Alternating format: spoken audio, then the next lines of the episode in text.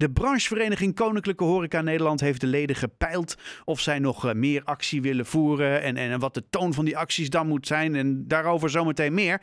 Aan de telefoon Erik Kuiper van den Berg, horecaondernemer van beroep van eh, Chateau Marquette, als ik het goed uitspreek, uit Heemskerk. Goedenavond Erik. Hi, goedenavond. Goedenavond, wat, eh, wat fijn dat jij in de uitzending kan komen. Ehm, allereerst, was jij afgelopen weekend ook open? Ja, ja wij waren wel open, maar met Marquette liggen wij in het buitengebied. Dus wij zijn niet echt een plek waar mensen langslopen en dan, uh, dan gaan zitten. Mhm. Maar we hebben wel altijd veel wandelaars op het, uh, op het landgoed. Dus we waren zeker, uh, zeker open. Ja, wat fijn. Wat moet, dat, wat moet dat fijn zijn geweest om weer heel eventjes even dat moment te hebben dat je die gastvrijheid kunt etaleren, toch? Absoluut. Het is dan zo fijn dat je weer mensen kunt ontvangen. Mensen die ook super blij zijn dat zij ook weer mogen. Hè? Dat moeten we ook niet vergeten. Het is niet alleen wij die als een stel jonge koeien in de, in de wijk staan dat we weer mogen ook zij. En daar gaat het vooral natuurlijk om, om onze gasten. Ja, en um, ja, nu, nu zijn jullie natuurlijk al een hele tijd uh, noodgedwongen gesloten. En um, ja, je, dan heb je altijd, hè, want dan heb je van, hè, je hebt losse restaurants en horecaondernemingen. Uh, maar dat, hè, die zijn dan samengevoegd in de Koninklijke Horeca Nederland. En um, ja, die, die, die zouden dan een, een statement kunnen maken of zo hè, naar, het, uh, naar het Rijk. Om te zeggen van jongens, dit heeft lang genoeg geduurd. Hè, laat ons nu maar weer op een goede manier open gaan. Daar zijn allemaal plannen voor. Maar, maar dat, dat ja. gebeurt niet echt heel hard of zo, hè? Nee, dat, dat gebeurt inderdaad niet heel hard. En uh, uh, afgelopen weekend hebben we voor de tweede keer een enquête gekregen van de Koninklijke Horeca. Om te kijken hoe wij als ondernemer, medewerkers erin staan om actie te voeren. Uh, ja, daar komt dan voor hen te weinig uh, uit om te zeggen, nou, we hebben aanknopingspunten om actie te doen.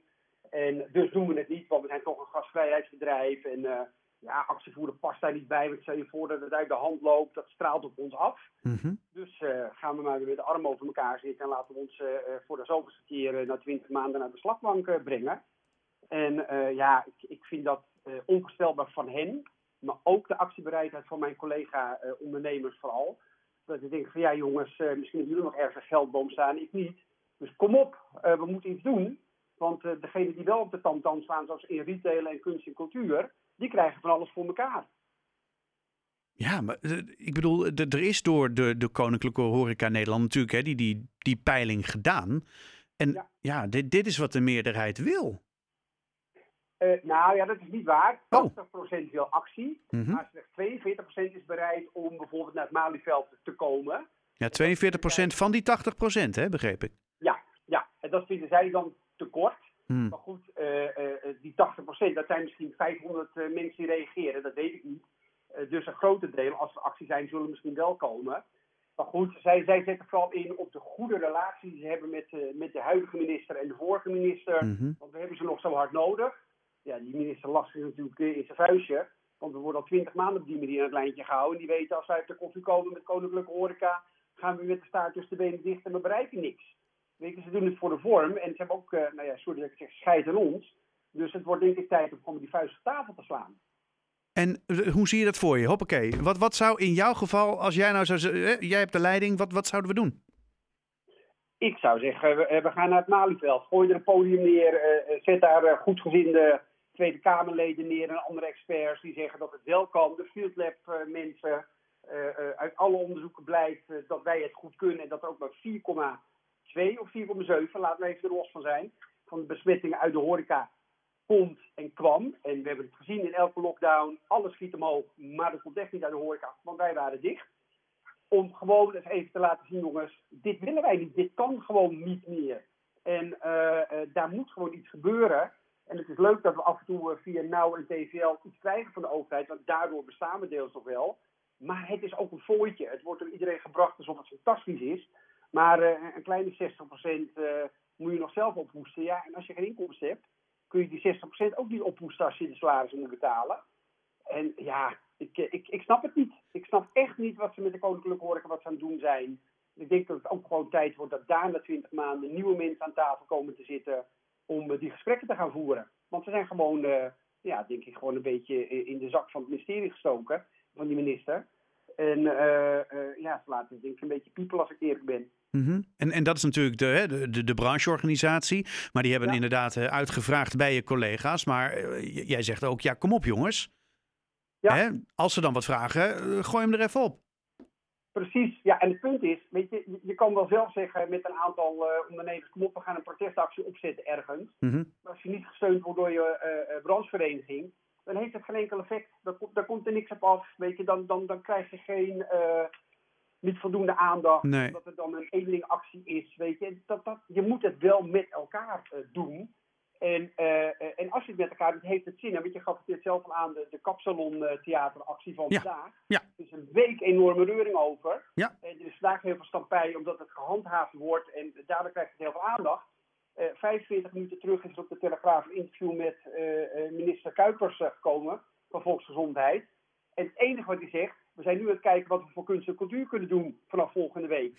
Dankjewel jongens, in retail slaat op, op, op tafel. En nu kunst en cultuur. En wij, hoppakee, we laten ons gewoon naaien. Jemig. Ja, het, het zit echt hoog, hoor ik. Ja, natuurlijk. Weet je, ik bedoel, hoe lang zijn, hoe lang zijn er die 20 maanden wel niet dicht geweest? Ik denk, ik denk dat het er 12 zijn in totaal. Totaal dicht, gewoon niets. Geen mensen. Eh, weet je, ik bedoel, en het kan veilig, hè? Alle protocollen, alles kan veilig. Ja, want dat is het, hè. Eh, eh, Bewegingen. Het argument dat het onveilig zou zijn, dat, dat zeg je van nou, dat is eigenlijk helemaal niet aan de hand. Dat is niet aan de het kan gewoon. Het gaat enkel alleen maar over, over reisbewegingen. Ja. Nou, geloof me, ik, ik zit dan in Heemskerk, ik woon in Haarlem. Daar zit zoveel horeca. Hmm. Als we open gaan, waarom zou ik, eh, weet ik, van naar Maastricht rijden daar uit eten te gaan? Terwijl ik een toprestaurant hier om de hoek heb. Ja, ik doe het niet, laat ik het zo zeggen, ja. Ja, weet je, mensen gaan dan lokaal uit eten om je ook je lokale eh, ondernemers te steunen. Ja. Eh, weet je, laat ze verzinnen, allemaal smoesen, smoesen, smoesen. Dat was ook vrijdag Marcel, Levy bij Bo. Die zei eh, tot slot van ja, het ging eerst om, om, sterven, toen om ziekenhuis, nu gaat het om een zieke buschauffeur. Eh, en eh, je hebt de cijfers van vandaag gezien, er gebeurt helemaal niets. Nee. Weet je, ze hebben er gewoon geen vat op, ze snappen het niet meer. En ik denk dat ze gewoon echt, nou ja, k- kunst, cultuur, horeca als een soort eliteproduct zien. Wat niet voor de massa is. En in Nederland kiezen we altijd voor de underdog en de, en, en de mensen die, die, die zielig zijn in hun ogen. Hmm. Het is gewoon niet interessant voor ze, want het is commercieel. En nou goed, de- de- dat punt is denk ik gemaakt. Eh, en nu? Eh, nou, en, en nu? Eh, Ja. de, de burgemeesters hebben geroepen, eh, eh, in de vorm van de heer Bruls, die nu vandaag niet dat hoeven handhaven, waarmee die het verschil kunnen maken. Mhm. Zegt, de horeca moet deze week weten waar ze aan toe zijn. Ja. En waarschijnlijk wordt de boodschap dat we deze week horen dat er volgende week voor ons niks verandert. Mhm. Ehm, ja, weet je, je kunt als burgemeester roepen, we gaan dit gedogen, we gaan dat gedogen. Als het puntje bepaald komt, doe je het niet. Eh, wat natuurlijk heel raar is. En dan kun je het verschil maken en dan haken ze weer af. Dus ik, ehm, ja, ik, ik snap het niet. Weet je. Ik, ik ben geen complotdenker, dat soort dingen meer. Ik sta echt met, mijn- met mijn poot in de klei. Ja. Ik ben geen of wat dan ook. Nee. Maar je gaat echt wel denken van, ja, wat hebben ze tegen kunst, cultuur en horeca? Ja. Want daar heb je het over. Eh, dat ze bijvoorbeeld niet nu hebben gezegd van zo'n lange tijd, laat die winkels nog eh, drie weken dicht. Ook heel erg vervelend, maar ze kunnen online nog wat verkopen. Ja. Eh, en laten we nu kunst, cultuur en horeca open doen. eh, om ook daar eens te kijken wat we kunnen doen. Nee, dat gebeurt gewoon niet. Nee. En eh, even, als we even heel particulier voor jouzelf met Chateau Marquette. kun je, overleef je het nog, zeg maar? Eh, nou ja, net als de hele brand, en dan spreek ik echt, eh, denk ik, over 100%, zijn we natuurlijk allemaal technisch gewoon failliet. Dat is heel makkelijk. Mhm. Maar dan als je goede afspraken maakt met, eh, met, met je mensen aan wie je geld moet betalen en wat je niet kan, wat je maar deels kan, kom je erheen. Want ook zij zitten in hetzelfde schuitje. Hè? Al je toeleveranciers, je verhuurder, noem maar op. Natuurlijk gaan we het overleven, want ik sta absoluut niet toe dat zo'n incompetente overheid mij over de klink haalt en de schuldsanering indouwt. Eh, dat sta ik absoluut niet toe. Maar eh, eh, dat dit hard werk is en dat we de komende vijf, zes, zeven jaar eh, ja, voor Jan met een kort achternaam staan te werken, omdat we bergen met schulden moeten aflossen. Dat mag duidelijk zijn. Weet je, dat worden geen, geen leuke jaren. Nee. Nou, ik hoop in ieder geval dat die, die, de, de start van die jaren, laat ik maar zo zeggen, hè, dat jullie weer wat kunnen doen. Dat je gewoon echt lekker, net als afgelopen weekend, die mensen kunt, hè, de- kunt welkom heten in je mooie Ja. château. Dat, dat, dat dat echt op heel korte termijn, ook voor mezelf hoor, eh, dat het op korte termijn weer, eh, weer, weer open kan. Eh, want wat je aangeeft, je geeft aan, het kan veilig. Ehm, dus laten we het gewoon doen.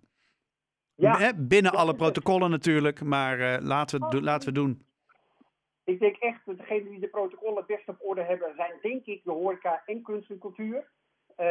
Ten opzichte van winkels waar je op 30 vierkante meter met vier man in elkaar nek staat te ademen. Echt, we hebben het het beste voor elkaar, maar we worden als laatste, als eerste gesloten, als laatste geopend. Ja, het, het klopt gewoon niet meer. Erik Kuiper van den Berg, horecaondernemer, eh, directeur-eigenaar van Chateau Marquette. Dankjewel voor je toelichting en ongelooflijk veel succes in deze lastige tijd. En een hele fijne avond.